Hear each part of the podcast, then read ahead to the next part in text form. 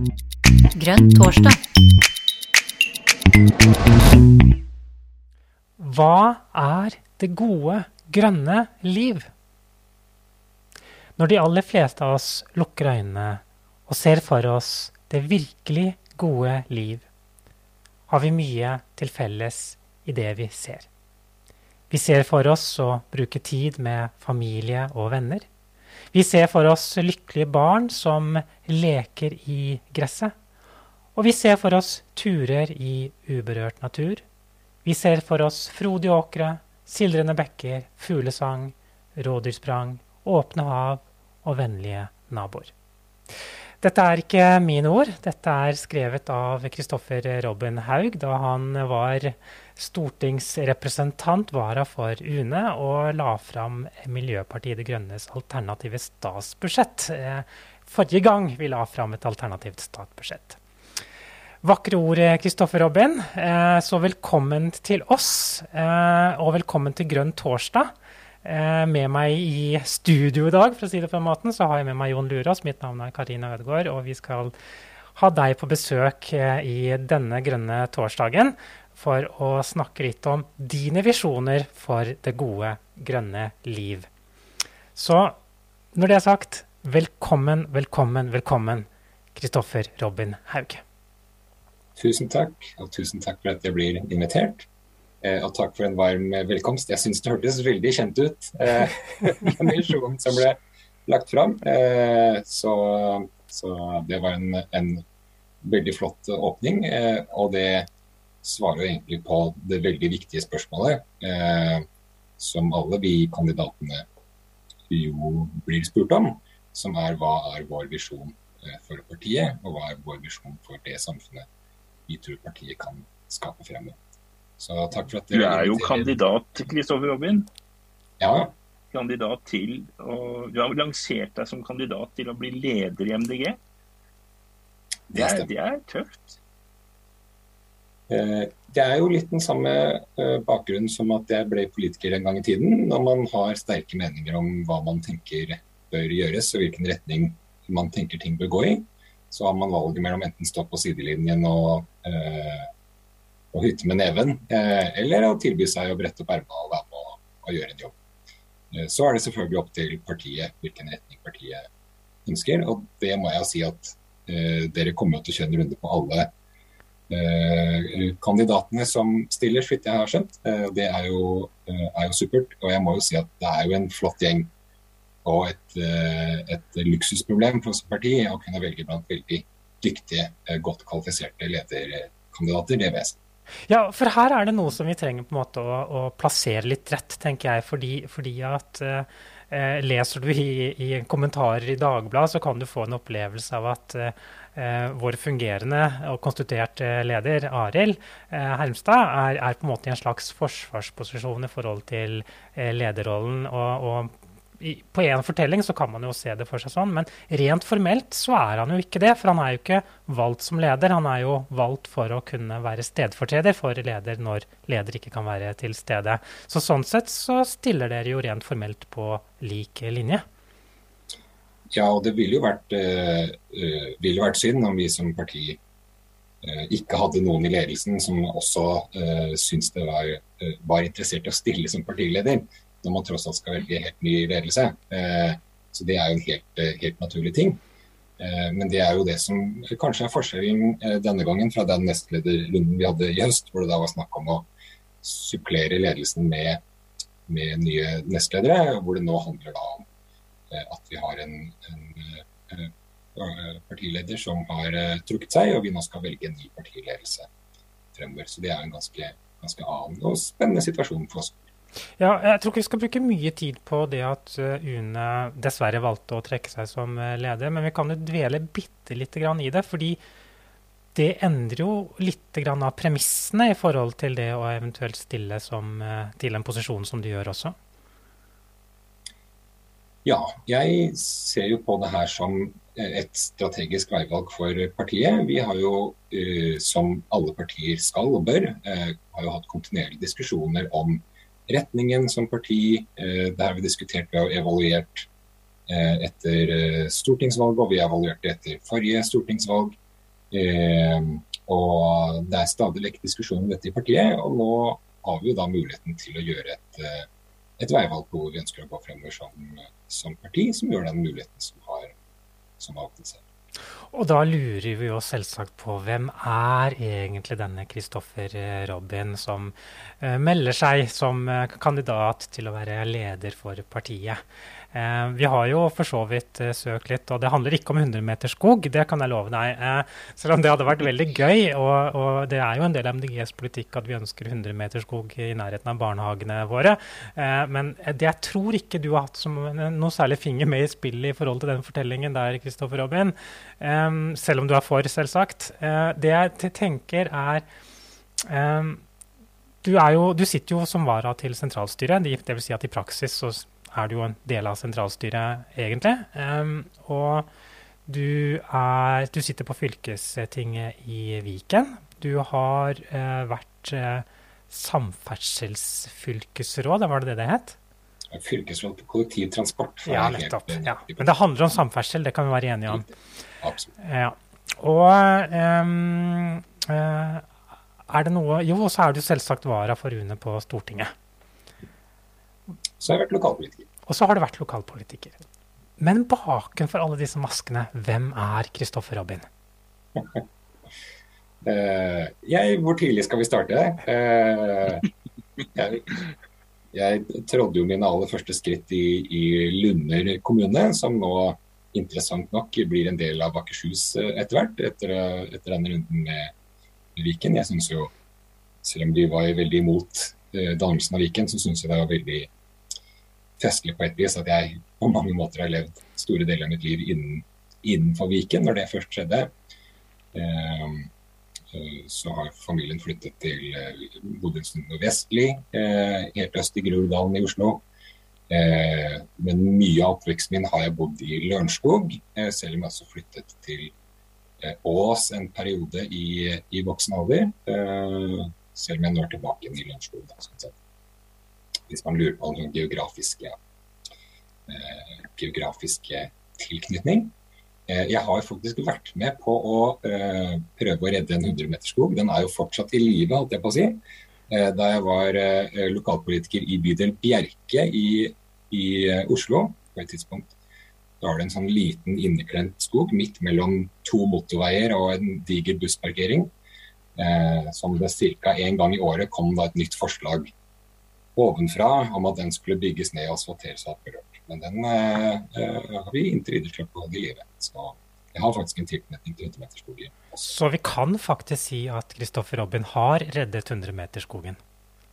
Ja, alt, alt, i politikken er jo midlertidig, dessverre. Så inntil videre så er 100-meterskogen reddet. Men, uh, men, man skal aldri, aldri feire sine seire for tidlig, uh, og aldri være for rask med å erklære nederlag i politikken. Det er min, min holdning, da. Mm.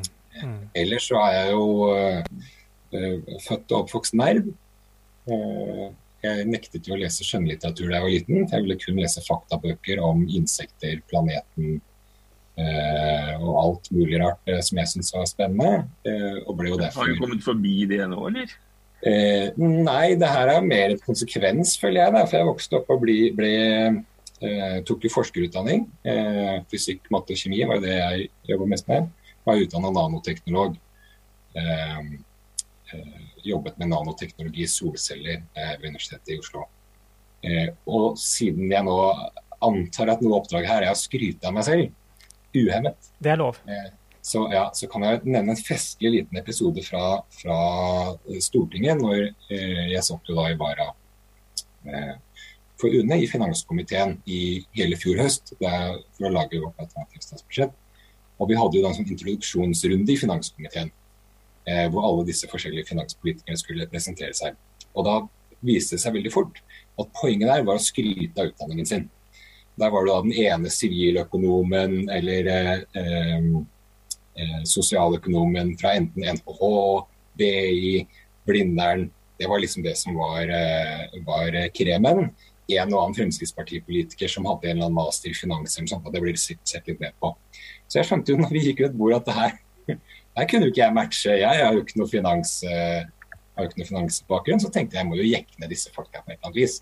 Nå ble det jo, alle ble jo veldig høye på strå her. Eh, så når det kom til meg, da, så sa jeg ja, jeg har jo ikke noe økonomiutdanning, sa jeg. Men eh, jeg er jo nanoteknolog. Eh, og statsbudsjett er ikke akkurat kvantefysikk. Så dette skal gå helt fint. Eh, så det, da stilna det litt rundt, eh, eh, rundt bordet, og, og, folk på en måte så den, så den humoren. så, så, det har vært sånn min hobby på, på Stortinget. har vært å prøve å se om jeg kan, eh, kan røske litt i, i, noen av disse Arbeiderpartiet-høyrepampene. Eh, hvis de tror de kan slippe unna med ting, da. Eh, for det er, jeg er ikke akkurat deres fortall. Eh, selv om man ikke har økonomi, økonomibakgrunn. Men du var jo på det var vel til og med på Dagsrevyen at du, du kom fram det at du satt liksom litt i, i bakgrunnen for, for, talestolen når du var vara på UNE på den plassen som nå, nå gjelder? Noen no, no, ja. grimaser og I, i, I, min store unnskyldning da er til forrige periode så satt vi jo midt i salen. Eh, og da er det jo Vanligvis er det jo folk går jo til og fra, og noen småprater med hverandre. og Jeg kunne jo sitte og nikke og riste på hodet og alt mulig som jeg bare ville.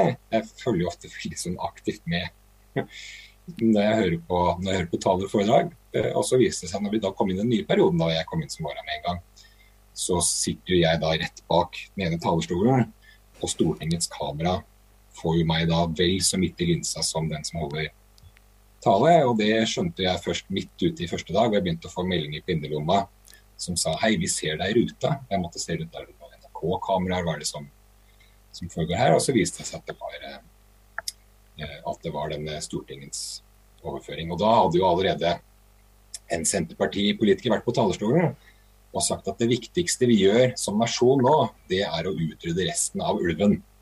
Og da hadde jeg, og da hadde, det er sånn jeg husker det i hvert fall.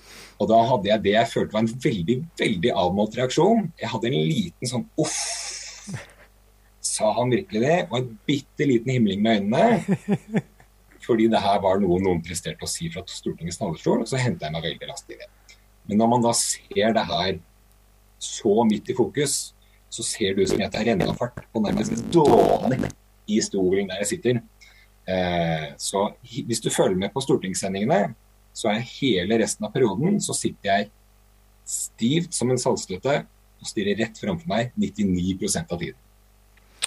Ja, Men samtidig så gir det jo en fantastisk uh, mulighet for å synliggjøre seg. da. Uh, kanskje det kunne blitt et varemerke, Kristoffer Robin? Være han som himler med øynene og nesten dåner når Senterpartiet åpner munnen? jeg, jeg følte jeg fikk uttrykt uttrykt mer enn nok om hele Senterpartiets eh, og for så vidt også Fremskrittspartiets politikk. Jeg rakk å reagere på en Fremskrittspartipolitiker også. Uh, man skal jo ikke drive utilbørlig påvirkning av stortingssalen. Det, det, er et viktig premiss. Nei da, men altså, det er jo noe av greia. Det er det som er kult med sånne Zoom-linser og sånn. fordi at uh, du, du påvirker ikke salen, du påvirker bare de som ser på. Så det, det, er jo helt uh, nydelig. Ja, men uh, ære til deg for at du har, har uh, respekt for stortingssalen, Kristoffer Robin. Så, så, får det være at vi som er utenfor, syns det er veldig gøy å se at det ikke bare er stenatsikter som sitter der, for å si det på den måten. Blei Kristoffer Robin ferdig med å presentere seg? Du flytta litt rundt omkring, og så du var blitt nanoteknolog. så sa du vel kanskje også at du, var, du jobba med noe kommunikasjon. Kom du dit? Eh, nei, det var jo Hvis vi skal ta hele livshistorien, da. Det er jo trivelig, det. Nei, det, det, kom jo til et eh, punkt når jeg eh, eh, ble jo forsker som, som eh, mange andre, fordi jeg tenkte at eh, verden trengte fornybare energiløsninger. Eh, og ble frustrert etter hvert da jeg sto på laben og så at vi kunne lage de mest fantastiske løsningene for fremtiden. Det var ingenting som ble tatt i bruk. Eh, og da har man, som jeg var inne på tidligere, da, så har man liksom et valg om man skal stå inn på laben og være frustrert, eller prøve å få det til å skje. Så det aller første som skjedde, var at jeg tenkte at jeg må jo bli gründer. Eh, jeg må få satt disse ideene, ta de ut av laben og ut på markedet. Så jeg begynte på gründerskolen eh, og lærte et par ting der. Eh, der lærte jeg både at markedet er jo en fantastisk mekanisme eh, til å fordele varer og tjenester, til mennesker som ønsker dem, og som har midler til å betale for dem. Og Det er stort sett det markedet egner seg til. Det å nødvendigvis løse de grunnleggende oppgavene i samfunnet på, vil ikke markedet løse med mindre man setter det inn i en større kontekst og bruker det som ett av mange verktøy. Eh, og En annen ting jeg lærte, var at de som sitter på kapitalen og de som sitter ved makta, eh, altså da eh, politikerne, de eh, har som sitt største problem at de forstår ikke realiteten i hva som foregår. Eh, og de forstår ikke de løsningene som skal til for å løse de store problemene vi står overfor som sivilisasjon. Eh, så satt jeg på, Mens jeg jobba på Blindern, så var jeg på et bedriftsforedrag av en bedrift som heter Gelmøyden Kise, som kommunikasjonsbyrå hvor de snakket om røykeloven og hvordan de jobbet med Helsedirektoratet i forkant av at Dagfinn Høybråten eh, sammen med LO lanserte den lovforslaget. Nettopp da for å snu folkeopinionen fra å være imot eh, en røykelov til å bli for en røykelov. Og da skjønte jeg at OK, eh, det å kommunisere på den måten som faktisk overbeviser folk, det er noe jeg trenger å lære meg. Så i denne bedriften skal jeg jobbe i to år, og så skal jeg bruke det til noe fornuftig senere. Så jeg endte med å jobbe i Grimmen Kiss i tre år, fordi det var morsommere enn det jeg trodde det skulle være. Eh, men etter tre år så eh, kom jeg på at jeg skulle faktisk bruke dette til noe fornuftig. Eh, og begynte da å jobbe i Norges forskningsråd, forskningskommunikasjon. Eh, men noe av spesialfeltet mitt i Gemmen Kise var jo både strategisk kommunikasjon, men særlig krisekommunikasjon og endringsledelse, som jo er de, noen av de tingene jeg syns var mest spennende for å se på hvordan kan man faktisk få til eh, endring i samfunnet eh, i eh, prekære situasjoner da, som vi faktisk er i når det gjelder klima og natur. Ja, for det du sier nå er litt relevant. fordi at eh, Den 26. august klokken 08.58, hvor du postet eh, posten på Miljøpartiet De Grønne, frivillige og ressurspersoner, så skriver du bl.a. at uh, usikre tider er ubehagelige, eh, men de åpner for endring. Jeg tror, skriver du, at om vi ikke griper muligheten til å virkelig gå inn i en transformasjon nå, så går vi glipp av et mulighetsrom vi muligens må vente lenge på å få igjen. Hva legger du i transformasjon, og hvor dyp skal den være? Kristoffer Robin? Ja, det er et spennende tema. Eh, som litt bakgrunn, da. Eh, hvis du går tilbake til evalueringen etter den forrige stortingsvalgkampen, eh, hakket før den her, så vil du se at vi trakk i utgangspunktet mange av de samme konklusjonene som vi trakk i den meget gode evalueringen som ble gjort etter denne stortingsvalgkampen av Eh, partikollega Arild Hermstad, som også er en av lederkandidatene, bare for å gi litt, litt eh, skryt til, til, hans ferdigheter, eh, så er det veldig mye som går igjen. Og Det betyr at hvis vi ikke griper den muligheten vi har nå, så risikerer vi å sitte etter neste stortingsvalg og gjøre en ganske lik evaluering med ganske like læringspunkter om hva vi faktisk, faktisk kunne gjort. Eh, transformasjon, endring, vil jo si å gjøre noe på en annen måte enn det man har gjort før. Eh, det som er litt ironisk her, er at det vi som parti forsøker å få til, er at det norske samfunnet skal gjennom en endring og gjøre ting på en annen måte enn det vi har gjort før. Eh, og da er det jo litt ironisk at jeg mener vi muligens er nødt til å gå gjennom lignende transformasjon selv. Ofte er du nødt til å ha vært gjennom den endringen som du ønsker å lede andre gjennom først, for å vite hvordan du faktisk skal ta folk gjennom et ulendt eh, farvann som det her. Eh, jeg mener at vi som parti har i stor grad klart å løse en av de viktigste oppgavene vi hadde foran oss som parti. Vi har klart å løfte klima- og naturkrisen på agendaen. Vi har klart å synliggjøre oss som et parti som tydelig eh, har en, en eh, god, velfundert eh, klima- og miljøpolitikk. Eh, og det jeg tror mange av oss kjenner på nå, som gir oss på en måte litt sånn Vi har litt følerne utfor ok, hvor skal vi videre nå, er at vi har kanskje nådd taket for hvor langt vi kommer i den retningen vi har gått. Eh, vi har fått til veldig mye av det vi kan få til som eh, pådriverparti. Og da er det store spørsmålet er skal vi fortsette å definere oss som pådriverparti som skal stå på sidelinjen eh, og tvinge de andre partiene til å eh, stadig vekk nevne eh, og ha klima- og natursaken på agendaen. Eh, som jo noen av oss mener at egentlig eh, klima- og naturorganisasjonene kanskje burde vært enda flinkere til å gjøre. Eller skal vi ta neste steg som da er å bli det partiet som kan levere løsningene som trengs eh, for å faktisk håndtere disse, eh, disse situasjonene vi står i som, som, samfunn. Det er to forskjellige strategiske retninger, og begge to er det må jeg understreke, helt legitime å ønske seg for oss som parti. Eh, og det er noen forskjellige folk i partiet som ønsker den ene eller som ønsker den andre retningen. Eh, og slik eh, jeg, min analyse av eh, den politiske situasjonen er, så har jeg ikke tro på at de store partiene som har makt i dag, vil klare den omstillingen uten at det er et større og sterkere Miljøpartiet De Grønne som faktisk kan være med i forhandlinger, som faktisk kan sette makt bak kravene, som faktisk kan være med å samarbeide og finne løsninger eh, sammen med de andre partiene for å løse problemet. Og grunnen til at jeg mener eh, de ikke klarer det uten et større Miljøparti De Grønne, er fordi da Brundtland-rapporten først kom, på slutten av 80-tallet, så sa alle de eksisterende partiene at dette her skal vi håndtere, klimakrisen skal vi fikse. Eh, bare gi oss ti år, så er dette problemet løst. No problem. Så gikk det ti år, problemet var ikke løst. Så kom Al Gore med en 'Inconvenient Truth'. Og da var det nok en gang alle de etablerte partiene, fra langt til venstre til langt til høyre, sa dette skal vi fikse, stol på oss. Eh, og problemet er fortsatt eh, ikke løst, og Norge ligger langt bak andre land i Europa når det gjelder å faktisk eh, komme i gang med denne omstillingen. Eh, så Det er da min politiske analyse som ligger bak det jeg mener er det mest den mest effektive måten vi kan jobbe fremover som parti for å være pådriver for de løsningene som skal til for å håndtere natur- og klimakrisen. Eh, rett og slett bli et større eh, og bredere grønt folkeparti.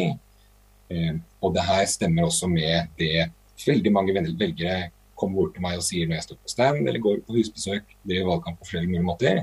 Og det er at jeg skulle veldig gjerne ha stemt på dere har stor respekt for klima- og naturpolitikken deres.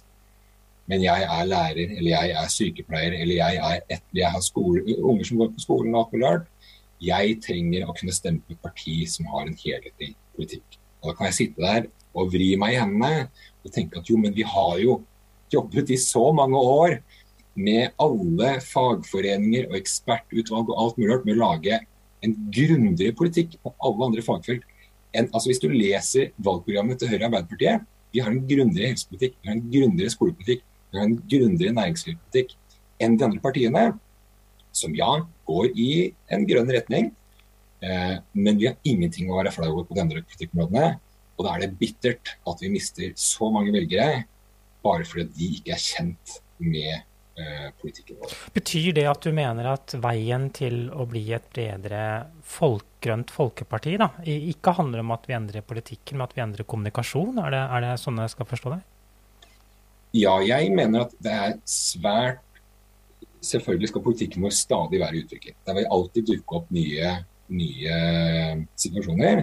Eksempel som vi ser nå i, i strømdebatten, hvor eh, da de dyktige eh, folkene våre på Stortinget har vært nødt til å jobbe på høygir for å løse den konkrete utfordringen med utgangspunkt i grønn ideologi og gode grunnprinsipper, som er grunnen til at vi har en, en smartere løsning også på strømkrisa enn de andre partiene, men som da måtte utvikles der også. Vi har ikke alt fiks ferdig, men i veldig veldig stor grad så har vi eh, veldig mye av politikken på plass til å møte fremtidens utfordringer. Eh, men det handler om å faktisk gjøre folk såpass kjent med oss som parti, og tørre å vise frem hvem vi egentlig er, eh, for at de skal kunne ha tillit til at vi også, hvis vi skulle slumpe til å få innvirkning på en annen del av politikken enn kun eh, natur- og klimapolitikken, at de faktisk kan stole på at vi har løsninger for hele det gode, grønne liv, ikke bare den delen som handler om å, eh, handler om å ta vare på naturen og klimaet. Så, så, hvordan vil du Den, egentlig Nei, ikke ennå, Jon. Jeg, jeg, er ikke ferdig ennå, for dette er viktig. Eh, hvordan vil du Jeg beklager, Jon. Hvordan vil du, Kristoffer Robin, eh, veldig kort oppsummere det, den grønne ideologien som vi baserer politikken for på? Altså, og hvordan skal vi kommunisere den så folk forstår vår base som skaper helheten i politikken? Eh, nå kaster du på en tigerlønning, sånn Nå må vi ha litt tidsstyring her, antageligvis. Ok, Jon, du skal få lov til å styre ja. nå. Så skal jeg bare slappe av og nyte det som kommer fra Kristoffer Robin. Ja, Hvis vi tar en veldig kort sånn historisk tilbakeblikk, det blir jo veldig bred pensel, så alle idéhistorikere og, og eh, politiske historikere kommer til å vri seg i stolen nå, og hvor mye jeg glosser over. Hvis du ser på hvordan demokratiet har utviklet seg, så har det gått fra å være en slags sånn mørkegrå tankegang om at samfunnet styres best med å ha en keiser eller en konge, eh, sterk person som skal ha all makt samlet i seg. Og eh, resten av samfunnet gjør eh, samfunnet bedre ved å følge mest mulig ordre fra de som kommer sentralt. Det er jo sin helt egne ideologi, mørkegrønn ideologi. Og den kommer opp med jevne mellomrom, som vi har sett opp gjennom historien. At folk da faller ned tilbake til troen på at den, den mørkegrå ideologien faktisk da er løsningen på fremtidens problemer. Så har verden vært igjennom noen demokratiske utvidelser av hvordan makt eh, fordeles i samfunnet. Det første var det jeg kaller den blå bølgen, hvor borgerskapet etter hvert begynte å bli så rike og mektige pga. Eh, handelsflåtene som man, som man bygde opp, at de sa at vet du hva, vi skal også ha noe å si rundt maktens bord. Og de blå introduserte en utvidelse av eh, demokratiet med da disse eh, folkeforsamlingene og parlamentene, og sørget for veldig viktige prinsipper. Beskyttelse av individet overfor staten, individuelle rettigheter. Mange av disse tankegangene var det de blå som innførte, som vi skal være veldig takknemlige for.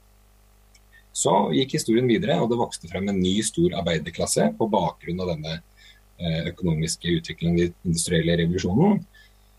Og de ble da en større og mektigere gruppe og sa at hei, vi er ikke inkludert i demokratiets korridorer.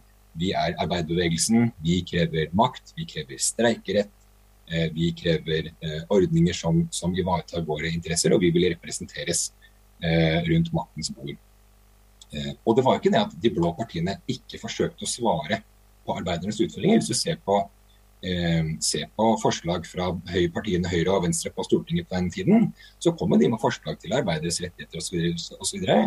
Men grunnen til at de ikke klarte å svare på utfordringene som kom opp, var at de var ikke et ektefødt barn av den nye tiden. Det var arbeiderne selv som visste hva arbeiderne trengte, og de måtte da bli representert i folkeforsamlingen. Eh, så, eh, etter da et par verdenskriger og diverse industriell utvikling, begynte man etter hvert å se konsekvensene av all denne ekspansjonen eh, i økonomien.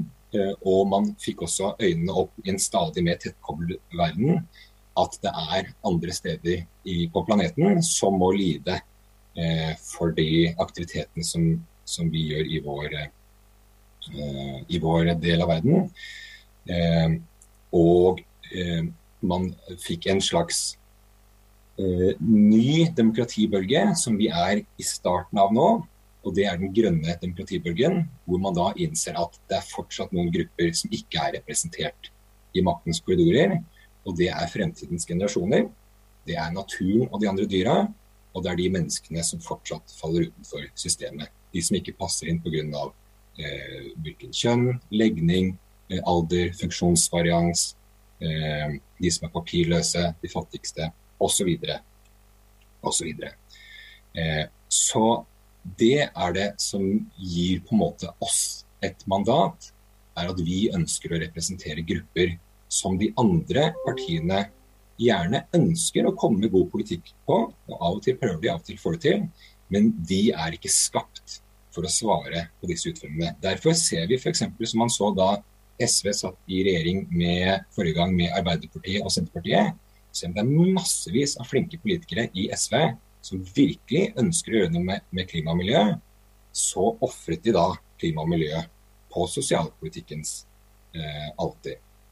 Eh, og Det samme har vi sett med, med Venstre i regjering med høyresiden. De ønsker også kjempegjerne å komme med løsninger eh, for den nye tiden. Men de er skapt først og fremst for å tjene eh, borgerskap og næringslivets interesser, som jo er kjempeviktig. Eh, men hvis de da kommer i en hard posisjon, så er ikke de skapt for å prioritere fremtidens generasjoner, naturen og de andre dyra, og de som faller utenfor i samfunnet. Så Det er på en måte det som er grunnstenen i grønn ideologi, eh, og som da danner bakteppet for at vi ønsker da et medmenneskelig samfunn i økologisk balanse. Eh, og det som informerer all politikken vår. Og Det interessante da er at vi er ikke grønne fordi vi har den beste klima- og miljøpolitikken, men vi har den beste klima- og miljøpolitikken fordi vi er grønne. Og Derfor har vi også den beste helsepolitikken, som handler om å gi tiden og tilliten tilbake til legene og sykepleierne, fagfolkene, som nå blir skvist i et slags grått system, hvor man skal konsentrere makten øverst i politisk styring og sende styringssignaler nedover og kreve at alle eh, løper beina seg for å rapportere tilbake igjen. Fordi man ser for seg at kunnskapen er et slags sånn elitefenomen som skal sitte eh, sentralt. Mens den grønne tankegangen handler jo da om å flytte makt nedover til de som faktisk sitter på kunnskapen. Eh, det forklarer jo helsepolitikken vår, men det forklarer også klima- og miljøpolitikken vår. Fordi vi lytter til de forskerne som er der ute, og som vet hvordan det står til med de artene og de økosystemene som vi faktisk ønsker å bevare. Heller enn de siviløkonomene som sitter da eh, plassert på kontorene sine og prøver å regne på hva man mener er økonomisk lønnsomt fra et eh, sentralisert eh, synspunkt. Så Det er veldig sånn kort oppsummert hva jeg mener er noe av grunnsteinen i grønn eh, politisk ideologi. Det var ganske voldsomt.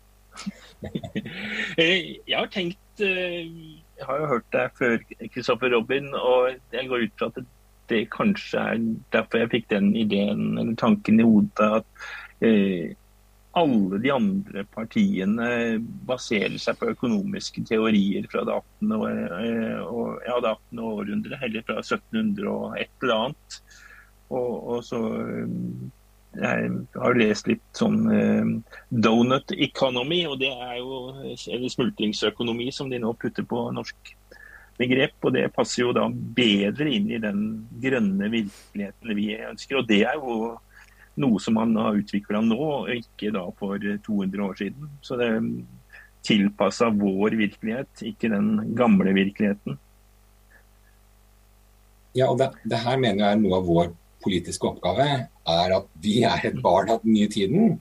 Uh, vår jobb er å finne den nye tidens uh, løsninger. Uh, og klare å få tilpasset de inn i samfunnet, sånn at det blir et et robust samfunn med fremtiden foran seg. Vi har et veldig spennende fagmiljø i Norge med Rethink Economics, annet, som jobber med spennende nye økonomiske løsninger. Og den smurtingøkonomien er, jo, eh, er jo veldig interessant, fordi den oppsummerer på mange måter et medmenneskelig samfunn i økologisk balanse. Fordi den baserer seg på at det er noen, skal være noen yttergrenser for aktiviteten vår, som da er bestemt av planetens ni tålegrenser. Vi snakker veldig ofte om klima, det er en veldig viktig tollgrense. Det handler også om tap av økosystemer, landområder, eh, artsmangfold, eh, fremmedelementer som nanopartikler og plast i, i naturen. Fosfor, nitrogen, kretsløp osv. Ozonlaget er kanskje en av de få av planetens tålegrenser vi i dag har litt kontroll på, som jo faktisk er en suksesshistorie vi må minne oss på. For det viser at vi kan faktisk snu noen av disse truslene mot planetens tålegrense. Men det danner jo den ytre rammen for menneskelig aktivitet. Eh, og vi er jo kanskje det partiet som best forstår at vi skal legge det til grunn for politikken vår. At vi kan ikke gå utenfor livsgrunnlaget vårt. Og så har du det som danner den indre rammen. Vi må passe på å ikke da eh, forsømme de menneskelige behovene, som da er da eh, typisk oppsummert i, FNs, eh, i mange av FNs bærekraftsmål. Noen av de handler jo om planeten også, men mange av de sosiale bærekraftsmålene viser oss hvilke økonomiske aktiviteter vi er nødt til å ha for å ivareta menneskelige behov. Så et medmenneskelig samfunn og økologisk balanse er operasjonalisert i smultringøkonomien, som er grunnen til at den er kjempespennende og utrolig relevant for oss. Eh, og hadde selvfølgelig løst fryktelig mange av problemene vi står overfor hvis man hadde gått over til det fremfor den veldig, veldig eh, monomane tankegangen man har i dagens grå økonomiske system. Eh, altså, vi glemte jo Karina, du, du stoppa meg i stad for ja. noen minutter siden. Da skulle jeg henge meg på Kristoffer eh, Robinson. Det er jo sa min analyse, sa, sa, du vel. Og da tenkte jeg, og så hørte jeg på analysen din, og så lurte jeg litt på passer den analysen fremdeles inn Altså eh, krigen i Ukraina og den påfølgende energikrisa. Det det er jo flere elementer inni her. Men eh, det har i hvert fall gjort at eh, det, det, er nærheten til et sosialt opprør i Norge. Og eh, det, det kommer til å bli veldig vanskelig for folk i Norge og eh, i, i Vest-Europa. Eh, passer analysa fremdeles? Tåler den vann, for å si det sånn?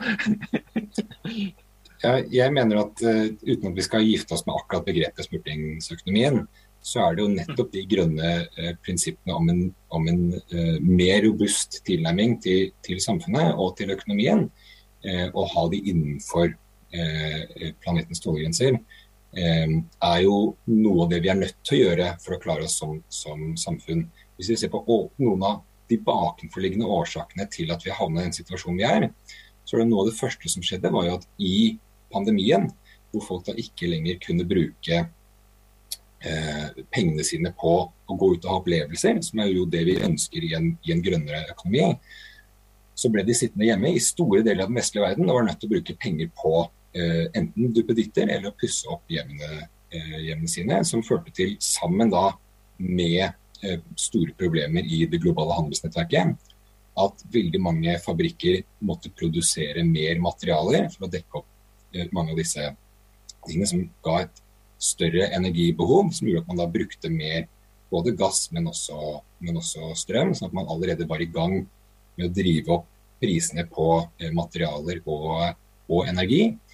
I tillegg så får du da klimaendringene, Eh, som gjør at vi får tørke i store deler av Europa og et uvanlig værsystem som gir oss enda større problemer med det her.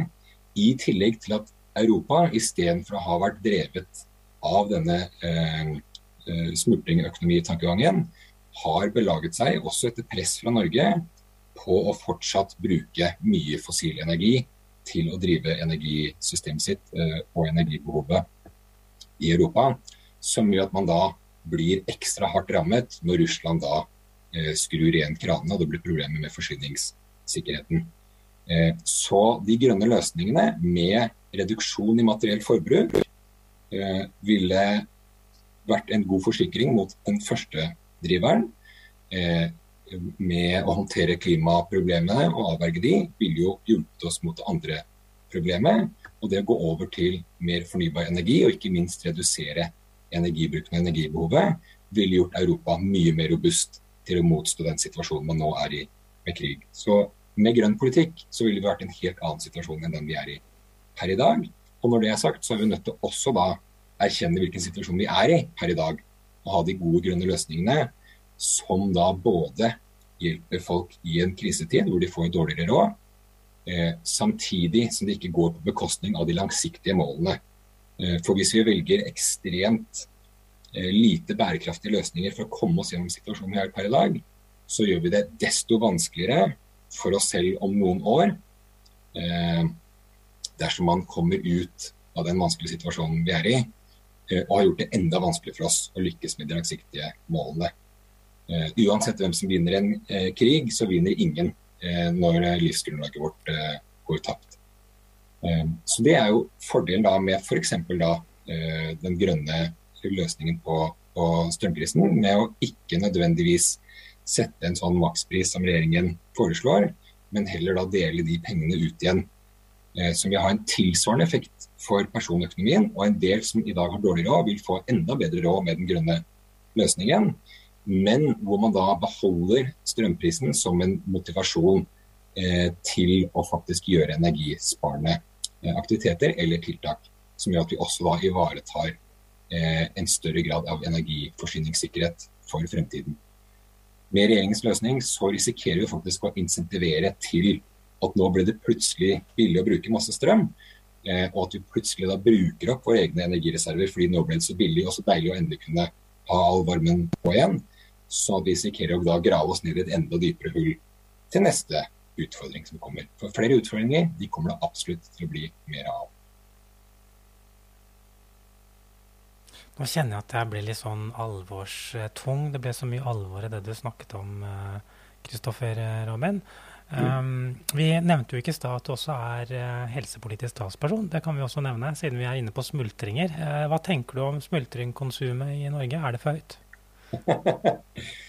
tror, jeg tror vi har smultringkonsumet under, under uh, kontroll. og det er jo en, en, litt, en, litt, morsom ting som jeg ofte pleier å, å diskutere. Nå har jeg snakket litt om, om de, hvordan den grønne ideologi henger sammen med helsepolitikk. Men det er litt morsomt når jeg snakker med folk om helsepolitikken vår, at de har jo en veldig god politikk på selve helsesystemet og sykehusene og, og, alt det der. Men så ser du også at hele resten av vårt eh, partiprogram handler jo om å styrke folkehelsen. Mm. Altså gjøre det lettere for folk å gå og sykle. Eh, og det man gjør i, i Oslo nå f.eks., med å gjøre det tryggere for barn å bevege seg i, i bysentrum og få flere lekeplasser rundt omkring. Eh, det er utrolig mange av de grønne løsningene som i utgangspunktet ser ut som samferdselsløsninger, byutviklingsløsninger, energibesparelsesløsninger, klimahåndteringsløsninger. Alt det der som faktisk da gjør livet lettere og morsommere å leve for innbyggerne, og som har en stor effekt på folkehelsa. Både eh, fysisk helse, men også mental helse. Det har gitt folk tilgang til nærnaturen og bevare den naturen som er nær der folk er eh, har en utrolig stor effekt på folks eh, helse. Som, eh, hvis du ser kynisk på det, helsepolitisk sett, spares for milliarder av kroner i kostnader hvert eneste år. Og som det vil være eh, eh, som det vil være kjempelurt av oss å fortsette å utvikle og ta vare på. Og da er vi jo inne på fordelen med denne smultringøkonomimodellen, eh, uansett hva man måtte kalle det. Jeg syns det er et veldig rart ord for å, kalle det en smultring, men, men, men, jeg skjønner jo bildet, da. Eh, og, og, vi kommer til å ha mye om smultringøkonomi, og det er smultringøkonomifestival i Tønsberg nå i midten av september, så de som er kjempenysgjerrig på smultringøkonomi, må for guds skyld bare reise dit og kose seg. Men det er jo egentlig kjernen i vår politikk at vi ønsker å eh, Hva skal jeg si ja, altså Den smultringmodellen da, den, den, sier litt om at, at, da blir det lønnsomt å tenke folkehelse. Altså fordi at det gjør at man scorer veldig mye at man scorer bedre innenfor eh, de, de, modellrammene som man har da, innenfor den økonomiske forståelsen. Men hvis man kun tenker den klassiske bedriftsøkonomiske tenkemåten, så er det ikke alltid at folkehelse lønner seg. Er, er dette forskjellen? Uh, ja, det er, de, er, jo en av de uh, viktige forskjellene også på oss og andre partier, at vi har den systemkritiske tilnærmingen at vi ser at det er systemfeil eh, som gjør at vi, at vi, havner i alle disse, disse, krisene som vi havner i. Eh, og det er jo litt som jeg pleier å si til velgere hvis de er eh, eh syns det er slitsomt å hele tiden tenke på å, nå må vi gjøre det og vi må gjøre det, og det er så tungt å ta alt på sine skuldre for å fikse denne store krisen vi er inne i, så pleier jeg å si at jo, men det her er jo vår jobb. Det er jo politikerne som skal legge samfunnet til rette. Sånn at du som velger skal kunne vite at når du går butikken og handler, så er det enklest og billigst for deg å velge det som er best for planeten og best for mennesker eh, over hele jorda. Det er jo politikerne som ikke har gjort jobben sin her med å legge til rette for et bedre samfunn, med de som du er inne på da, med disse insentivene eh, til å sørge for at den måten det er lettest for oss å få livet vårt til å gå på, faktisk er i tråd med vår egen helse, med vår egen mentale helse, med våre sosiale behov og med behovene til eh, planeten vår og de andre, og de andre dyra. Eh, det er det rett og slett lette for oss å se, fordi vi kommer på en måte utenfra det etablerte systemet.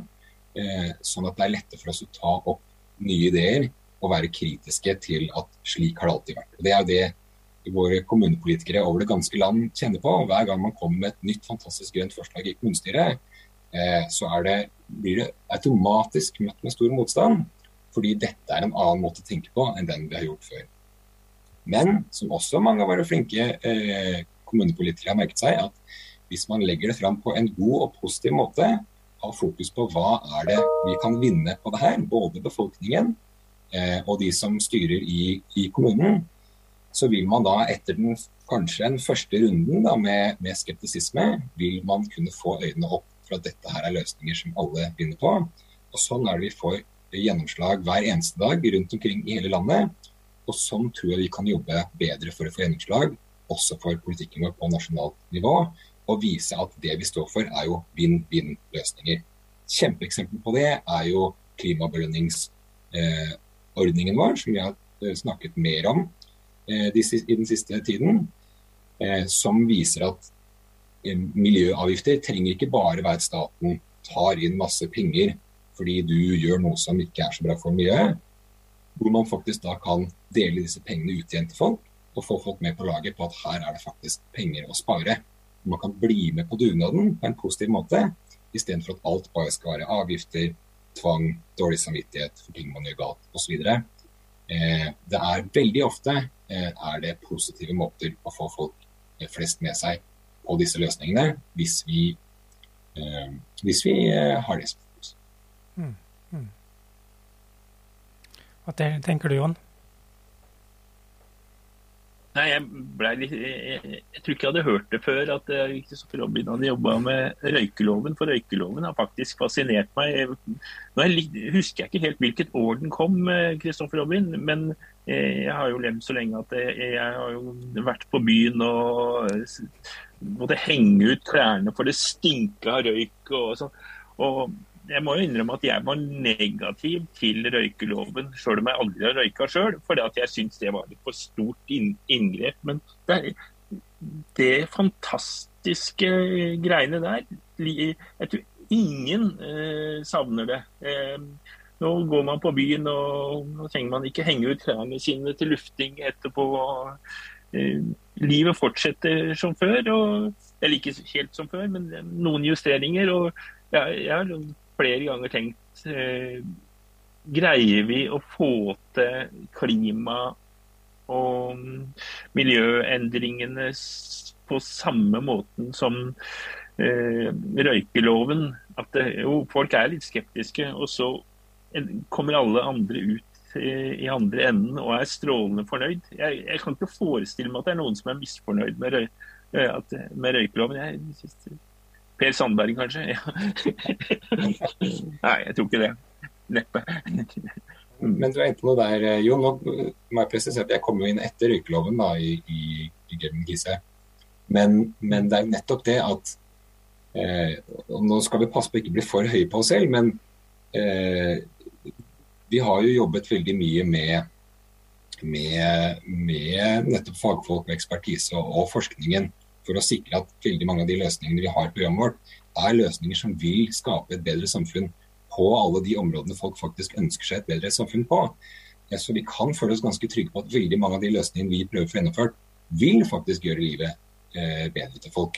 Og veldig ofte så ser man det at hvis man først klarer å få til en løsning, så vil folk i etterkant da etter hvert begynne å, å nyte godt av disse konsekvensene av løsningen. Eh, og da er de fleste da med på det er ikke mange år siden folk syntes det med elbil var tøysete. Eh, og der fikk man det faktisk da til en endring hvor de aller fleste som da har gått over til en elbil, syns at det er eh, betydelig bedre å ha eh, for de aller fleste enn den bilen de hadde fra før av. Eh, så da er det store spørsmålet hvordan kommer vi i posisjon til å være med og skape de endringene. Eh, fordi hvis det ikke var et av Eh, partiene som faktisk var med eh, og styrte ting, som, som, eh, som kunne kjempe for denne røykeloven. Og hvis man ikke da klarte å skape et fellesskap med fagbevegelsen, som jo var en stor maktfaktor i, i røykeloven, så kunne man jo bare hatt en politiker som satt på utsiden og ba om røykelov i mange, mange år. Så det var jo den viljen til å finne samarbeidspartnere pragmatiske løsninger som var noe av grunnen til at man faktisk fikk gjennom røykeloven.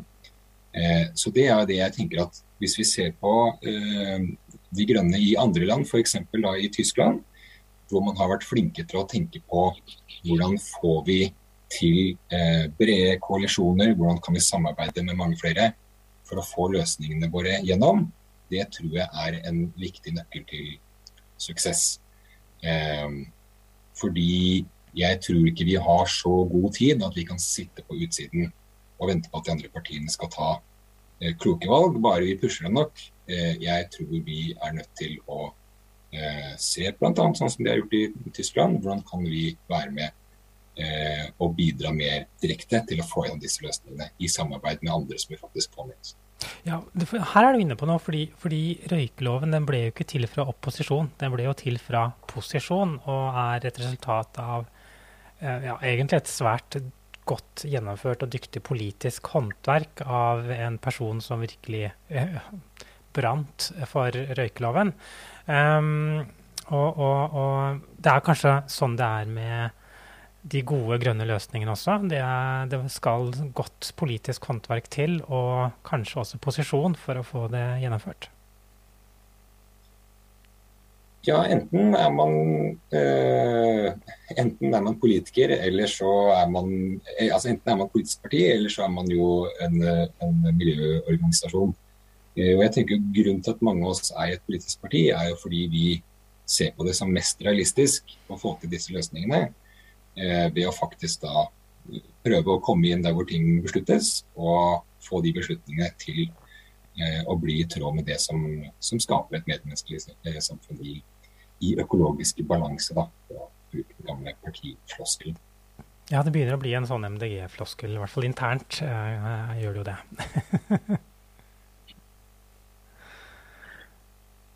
ja, jeg har bitt meg litt eh, Hva skal vi tenkt meg litt opp i et begrep. Jeg vet ikke om jeg har funnet på det neppe funnet på det sjøl, tenker jeg. Endringskraft. Det mangler faktisk de etablerte partiene i dag. De kjører jo på i samme løp. Jeg pleier jo å si at eh, jo, vi viser endringskraft, og så henviser jeg til Oslo. At vi faktisk greier å gjøre noe. Det er en del som blir, er misfornøyd med det som gjøres i Oslo, men det, Mange som er fornøyd òg, da. Ut så langt. Ja, vi er jo, er jo fremdeles i, i, posisjon der. Vi, og vi er også i andre land. at vi, vi har faktisk viljen til å gjøre den endringen som må til. da. Men da må vi, som du sier, Kristoffer Robin, da kan vi ikke bare være uh, å peke på, uh, dytte ut på utafra. Vi må komme inn på innsida og, og, og, og styre. Men, men er, ikke det, er, ikke det, sånn, et symptom på at vi gjør noe rett? Når, uh, nå er, I fare for at vi blir høye på oss sjøl her, Kristoffer Abin. At vi gjør noe, noe, noe, rett når vi er størst der vi har gjort mest? Jo, uh, og det er jo det er det som er litt morsomt å se, hvor, uh, hvor det er jo sånn endringer typisk, typisk skjer. Hva er det hvis vi skal spille på floskler igjen, da? Eh, som man ofte sier om det uh, First they ignore you, then they laugh at you, then they fight you, then you win. Eh, men eh, vi har jo sett at en, en, strategi fra de etablerte partiene har i stor grad vært å forsøke å skape et skremselsbilde av, av grønn politikk.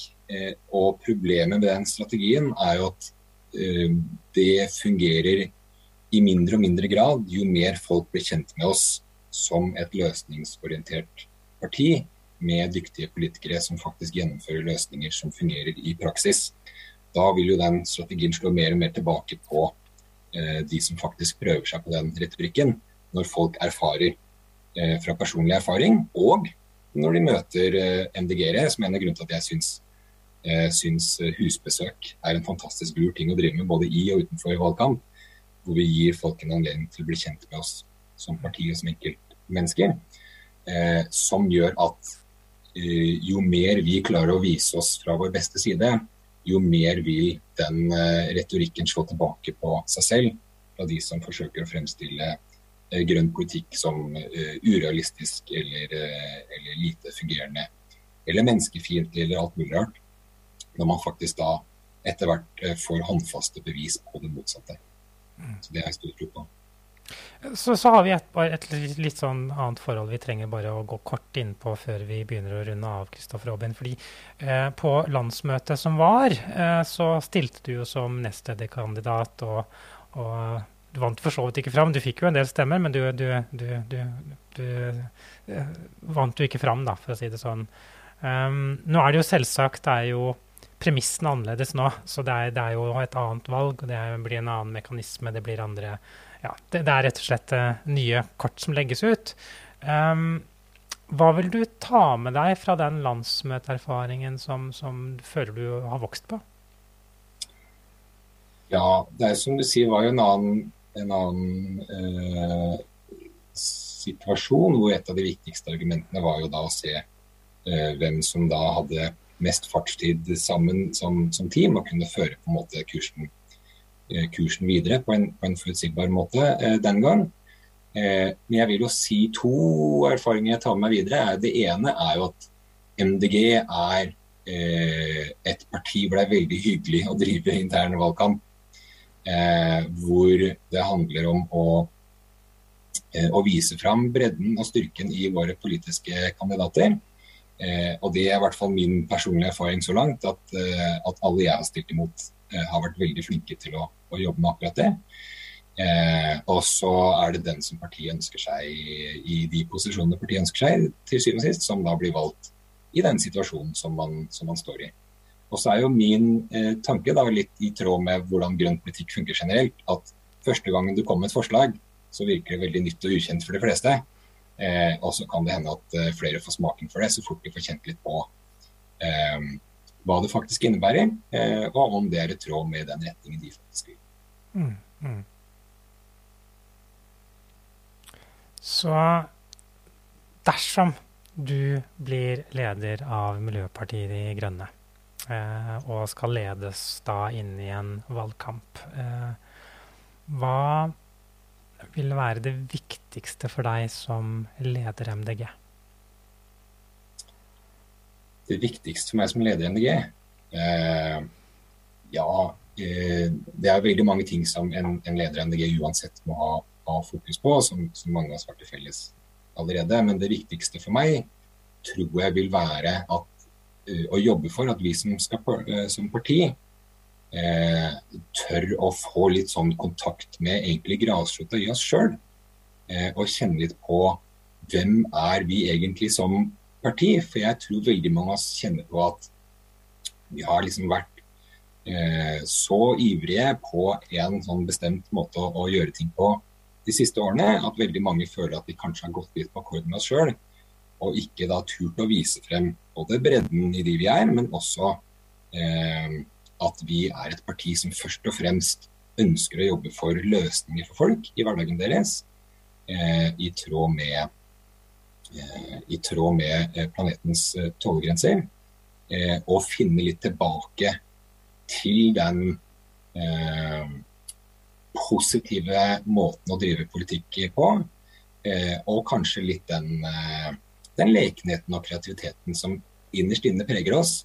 Men som vi kanskje merket tidlig under samtalen her i dag, at hvis alt blir veldig preget av alvor, hvis alt blir veldig preget av at ok, dette må vi unngå, dette må vi si nei til og den type ting, eh, så tror jeg vi kanskje legger litt for mye bånd på den eh, kreativiteten som veldig mange av oss grønne faktisk har inni oss. At hvis vi får litt lov til å snakke mer om både om forskjellige ting, eh, og om hvor spennende og positivt eh, det samfunnet vi skal bygge sammen, kommer til å bli, at den kreativiteten kan få lov til å blomstre eh, enda mer. Så det er jo noe jeg kunne håpe å bidra med. Så kreativitet og lekenhet er noe av det som du ønsker å bidra inn med. Jeg tar med meg det, Kristoffer Robin. Jeg ser i hvert fall frem til, uansett hvem som måtte bli leder, at vi skal både ha det gøy og være med på å skape ny politikk eh, for, eh, for Norge og Europa og verden. Um, så tusen takk, Kristoffer Robin, og, og, lykke til i prosessen. Det er jo alltid en spennende reise, så, så jeg ønsker deg all lykke til på den reisen sammen med alle oss andre, for så vidt. Eh, så, så det, det, blir gøy å følge deg, og for så vidt også de andre kandidatene som ønsker å være leder i MDG. Ja, og de andre kandidatene de andre kandidatene kommer jo til å komme til oss eh, på Grønn torsdag. Natalia Golis og Arild Hermstad. Og så kan det jo hende at det dukker opp enda flere. Det får vi se. Eh, nå tror jeg valgkomiteen har satt en frist på 12.9 for de som har lyst til å bli nestleder. Så det er jo noen som sitter i skapet, hvis det var det begrepet som ble brukt, og skulle tenke tenkeboks. Så får vi se om de kommer ut av den på en eller annen måte. Det, det blir uansett spennende, og de skal få sjansen til å presentere seg her på Grønn torsdag. Og så har det vært en god sending med Kristoffer Robin. Jeg ønsker deg lykke til i valgkampen, og så får vi se hva som skjer i slutten av november. Lykke til. Tusen takk. Takk for meg. Takk for det. Takk for det.